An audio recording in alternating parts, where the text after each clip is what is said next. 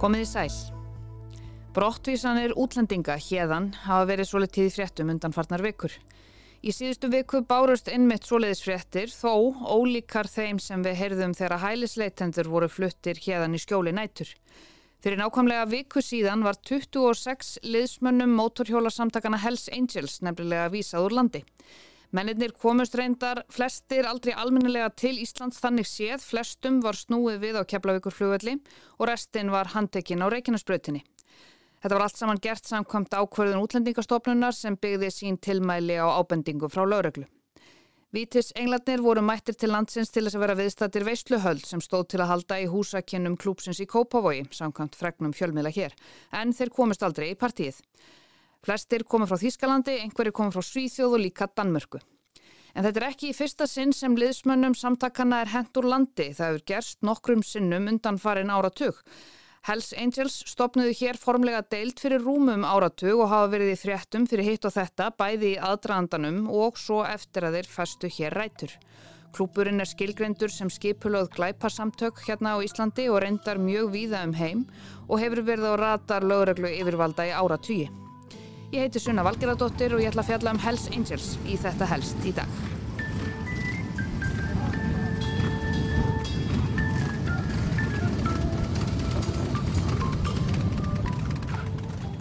Heimasíða Hells Angels er áhugaverð. Hún er kannski ekkert sérstaklega áhugaverð sem VF-síða per se en svona miða við hvaða samtök það eru sem haldinu úti þá er hún skemmtilega uppsett. Á mótimanni tekur logandi eldur og svartkvítar myndir af hinum og þessum góðsögnum líklega Hells Angels. Undir öllu spilast svo countrylag.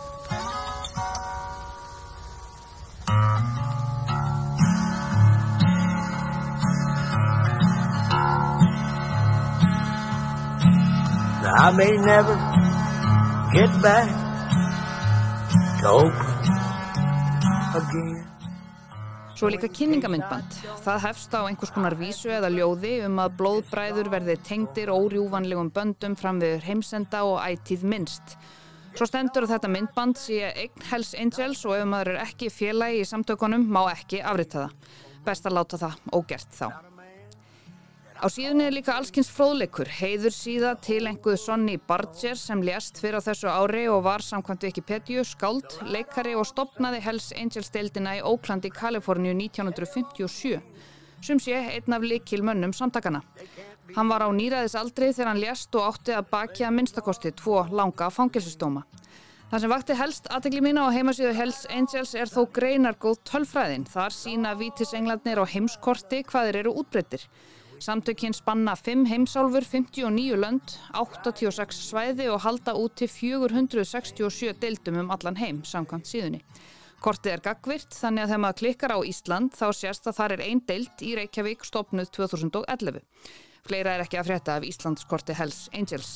En til samanburðar eru tíu staðir í Danmörku þar sem þeir hafa komið sér fyrir.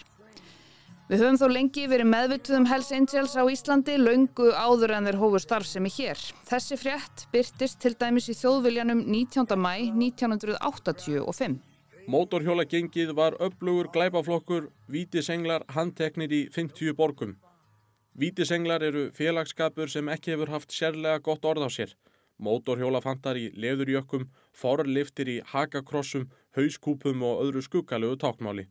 Og dýrkendur þeirrar kallmennsku sem helst brýst fram í barsmíðum og öðru ofbeldi. Vítisenglar hafa stundum reyndað milda þessa mynd. Þeir væru náttúrulega karlar í krapinu og allt það, en í raun og veru friðsamleg fjölskylda, sameinuð í þeirri skemmtun sem menn geta haft af því að bruna vegin áfram á feiknar hraða. Vítisenglar reyndust þó ekki allir það sem þeir eru séðir. Fyrir skömmu gerðu um þúsund vel vopnaður lauruglumenn áhlaup á 50 greni vítisengla hér og þar um bandaríkin og meira en 100 englar voru handteknir. Vítisenglarnir, sögðu yfirvöldin, eru að sönnu fjölskylda en einmitt í svipaðri merkingu og talaðir um hinnar voldugu og þrælskipulöðu fjölskyldur mafíunar. Þeir raka saman miljónum dollara á ári hverju með eiturlefjasölu í bandaríkjunum. Alríkislauruglan hefur haft áhlaup þetta í undirbúningi lengi. Þetta var þjóðviljin vorið 1985 en aftur til nútímans.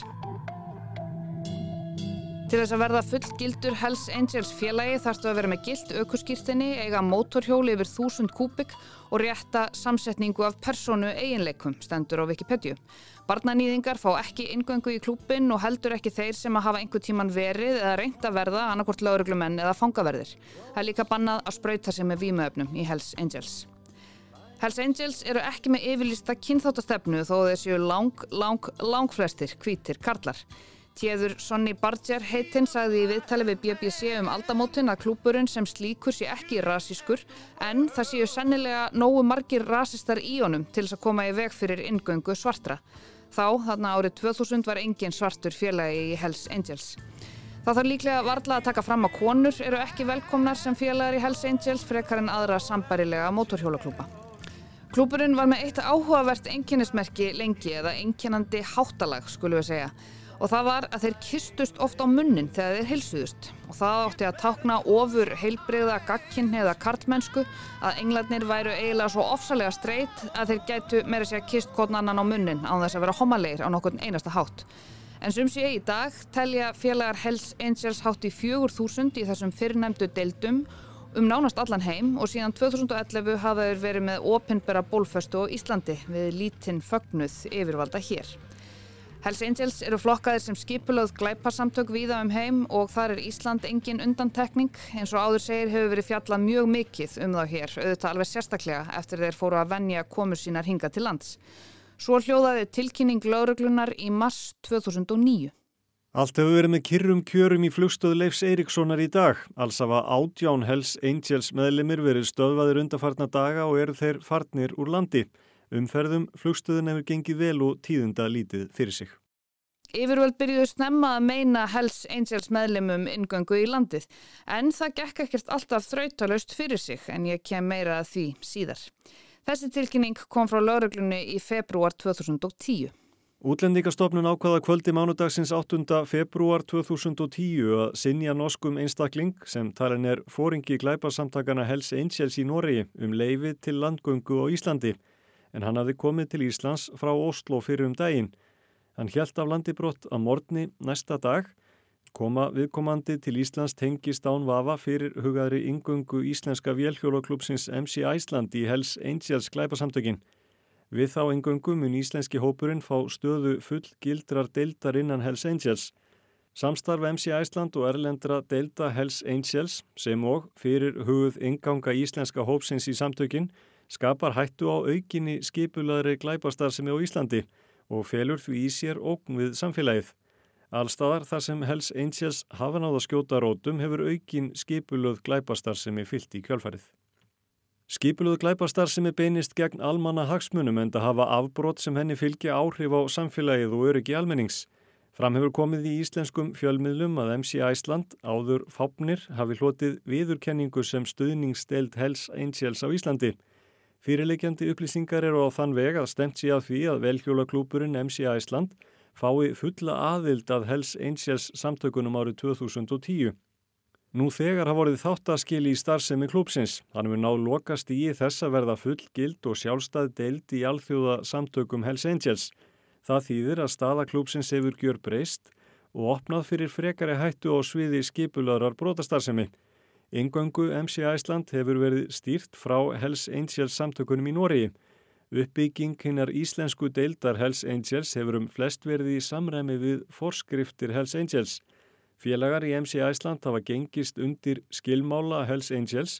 Til þess að hljóta fulla aðild mun íslenski hópurinn þurfa að geta sínt fram á að starfsemi og skipulag sé í samræmi við kröfur Hells Angels. Þetta eigur hættu á aukinni skipulaðri glæpastarsimi af hálfu íslensku félagana. Mynd er á að mjög algengt er að félagar í Hells Angels hafi hlotið refsidóma fyrir alvarleg afbrott og ljóst er að í röðum þeirra er að finna marga ofbeldismenn. Þetta á við um nokkra félaga í MC Æsland, Íslands deild samtakana. Þetta saði lauruglan 2010. Ríkislauruglustjóri hafði þarna frá aldamótum lagt fyrir lauruglustjóra á Íslandi að framfylgja þeirri stefnu að Hells Angels væru glæparsamtök og í samræmi við það hefur ítrekkað komið til þess að liðsmönnum samtakana hafi verið meinuð landganga við komu sína til landsins. Fyrst var það gert til þess að reyna að koma í veg fyrir stopnun samtakana hér en það gekk ekki alveg upp. Þetta er úr frétt DFF 8. mars 2010. Skipulögð glæpastarðsemi er mikið og stort vandamál á öllum Norðurlöndunum. Fréttir af skotarósum millir glæpagengja í Danmörku hafa reglulega verið í fréttum síðasta árið. Vítisenglar hafa náð fótfestu í öllum löndunum og er Ísland að bætast í þann hóp. Reyndir lauruglumenn segja þumalpötaregluna vera þá að það sem sé að gerast í undirheimum á Norðurlöndunum taki tíu ár að koma til Íslands og frá bandaríkunum taki það sem þar er að gerast í glæpaheiminum tíu ár að berast til Norðurlandana.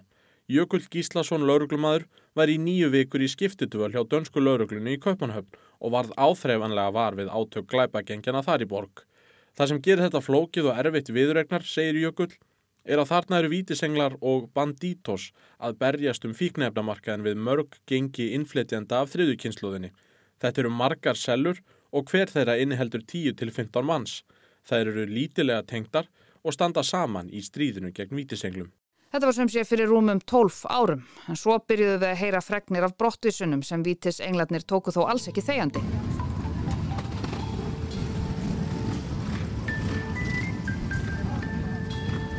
Leif Ívar Kristjansen, leðtogi Hells Angels í Noregi, höfðaði til dæmis skadabótamál á hendur Íslenska ríkjunu vegna frávísunar úr landi. Annar félagi stendi ríkinu sumu leiðis vegna sveipaðsmáls og þetta var heldur ekki í fyrsta skipti sem þeir tóku þessi skref. DFF gerði þessu skil vorið 2011 og þar segir að íslensku laurugluna hafi lengi grunað MC Æsland áður fápni en nú Hells Angels um græsku og reynd með öllum tiltækum ráðum á spórna við fótferstu samtakana hér. Það byrtist meðal annars í því að vísa þeim ítrekkaður landi þegar þeir koma hingað í hópum. Þá var líka búið að segja frá því að ríkislauglustjóri sem þarna var Haraldur Jóhannesson ótaðist mjög og það stemdi í hörð átök í undirheimunum hér og var svo mikla hætta innmitt sögð megin ástæða þess að lauraglan hafi þarna verið að fá rýmri rannsóknarheimildir, forvirkar rannsóknarheimildir. Þetta er kunnulegt stef þarna. Sagan áðanefla til að endurtaka sig. Lauraglan ótaðist þarna um sitt eigið öryggi ekki síður en öryggi almennings ef til uppgjörs komi á milli glæpa hópa sem skotið hafi rótum á Íslandi.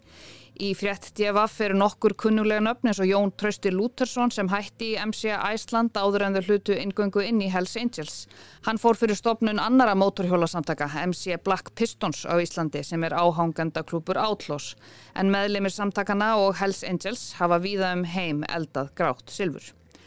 Hells Angels voru rosalega mikið í fréttum á þessum tíma þarna í kringum 2012 Og hérna á Íslandi voru það ekki síst personur og leikandur sem vöktu áhuga bladamanna og líklega lesenda. Til dæmis var hann Einar Ingi Martensson eða Einar Búm eins og hann var gertnar kallaður, lekinn úr Hells Angels og það þótti mikið mál. Láreglann gerði sérstakka skýrslu um Vítisenglana 2012 sem fjölmiðlar fengur svo aðgang að.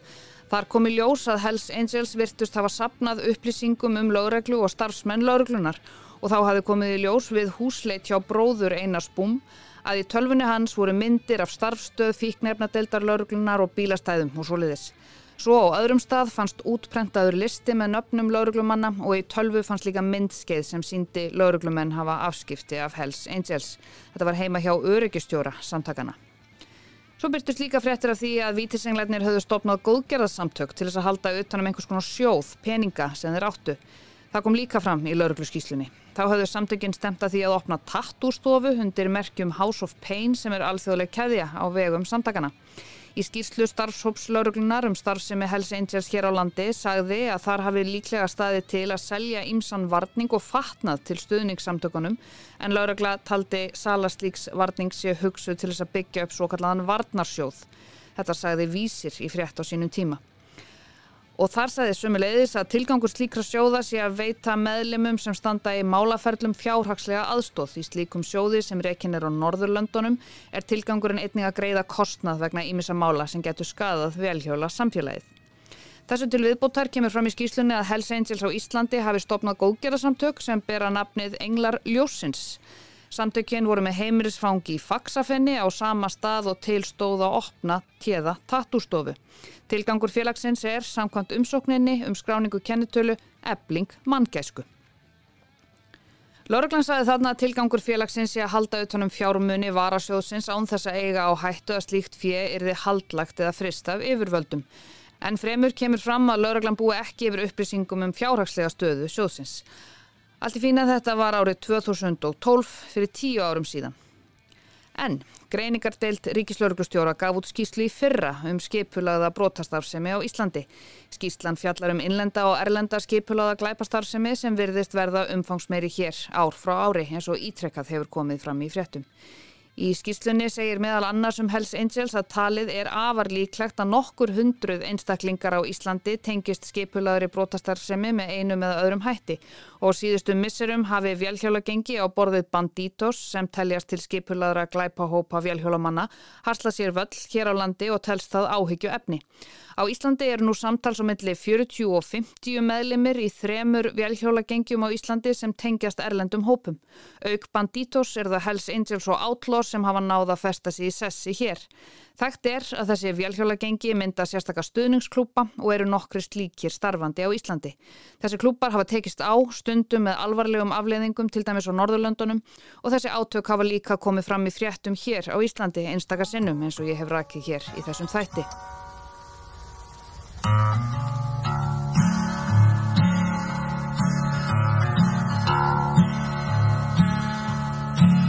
Það hefur dreyið mjög úr fréttaflutningi af vítisenglunum síðustu ár. Einn nýjasta fréttin, svona fyrir utan brottvísanirnar í síðustu viku, var á fréttavef Ringbrautar fyrir tveimur árum með fyrirsögninni Hells Angels hlýða víði, jólaglöggið háð fjöldatakmörkunum. Frettin er um það að Hells Angels haldi jólaglögg hvert ár en það hafi vakið aðtegli að á Facebook viðbyrðunum hafi verið tekið fram að COVID fjöldatakmarkanir gætu haft áhrif. Liðsmenn Hells Angels hlýða kannski ekki alltaf landslögum en þeir hlýða víði, stendur í frétt ringbrautar. En ég ætla að láta þessari Hells Angels yfirferð minni lokið. Ég heiti Sunna Valgerðardóttir og Vítis Englarnir voru helst hjá mér í dag. Takk fyrir að leggja við hlustir og við heyrumst aftur á morgun.